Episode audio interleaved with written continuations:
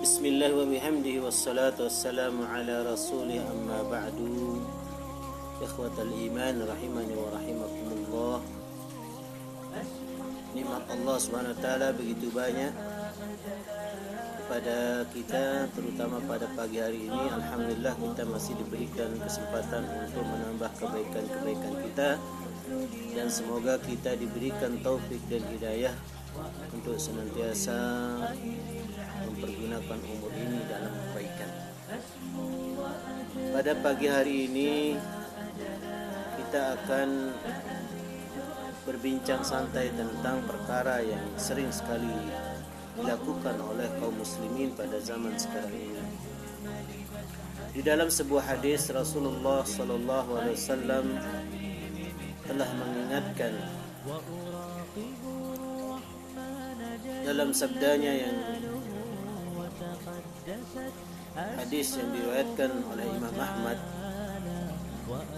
Bahwa Rasulullah sallallahu alaihi wasallam bersabda man ata kahinan aw arrafan wa saddaqahu bima yaqul faqad kafara bima unzila ala Muhammad. Artinya barang siapa yang mendatangi dukun atau tukang ramal lalu dia membenarkan maka ia berarti telah ingkar kepada Al-Quran yang telah diturunkan kepada Nabi Muhammad sallallahu alaihi wasallam.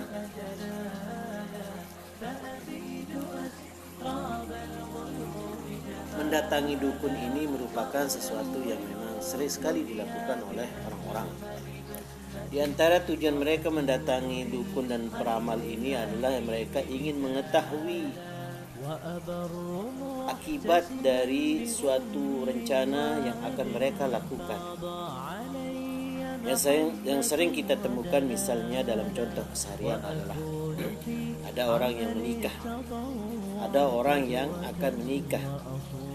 Maka terlebih dahulu kebiasaan di tengah masyarakat sebagian masyarakat kita adalah mencari hari yang baik. Padahal di dalam agama Islam tidak ada ketentuan khusus tentang hari baik dan buruk.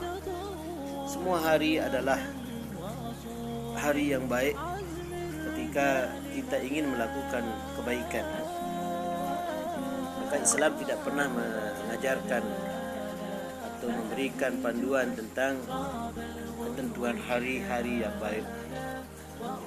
Selama kita melakukan suatu kebaikan, kemudian kita Bismillah tawakkaltu ala Allah maka kita pasrahkan apa pun yang kita lakukan hari ini bagaimana akhirnya nanti perjalanannya itu tergantung dari kehendak Allah Subhanahu wa taala.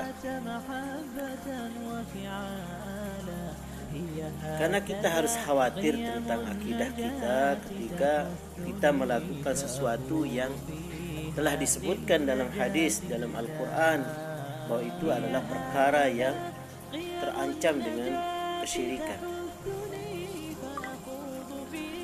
Terlebih lagi Allah SWT telah menegaskan di dalam Al-Quran bahwa hanya dialah yang mengetahui tentang perkara yang.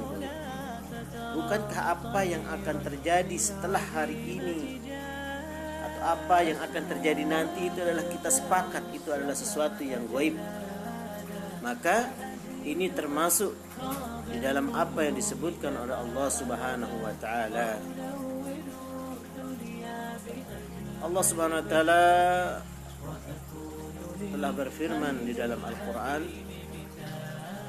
mana firman ini menegaskan bahwa tidak ada seorang pun di langit dan bumi yang mengetahui perkara gaib kecuali kecuali Allah. Di dalam surat An-Naml ayat 65 Allah Subhanahu wa taala berfirman, "Qul la ya'lamu man fis samawati wal ardil ghaiba illa Allah." Katakanlah tidak ada seorang pun di langit dan di bumi yang mengetahui perkara yang gaib kecuali Allah Subhanahu wa taala. Di dalam surat Al-An'am ayat 59 Allah Subhanahu wa taala kembali menegaskan wa indahu mafatihul ghaibi la ya'lamuha illa huwa.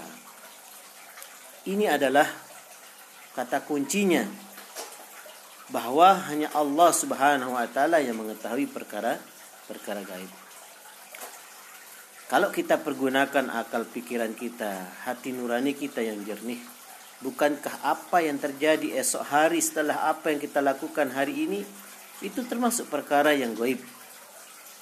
Maka kalau kita mencari-cari tahu apakah yang kita lakukan hari ini akan berakibat suatu kebaikan atau keburukan, maka itu termasuk kelancangan kita yang ingin mengambil sesuatu yang hanya Allah Subhanahu wa taala yang berhak untuk mengetahuinya. Maka hati-hatilah kaum muslimin dari perkara-perkara yang mengancam akidah seperti ini.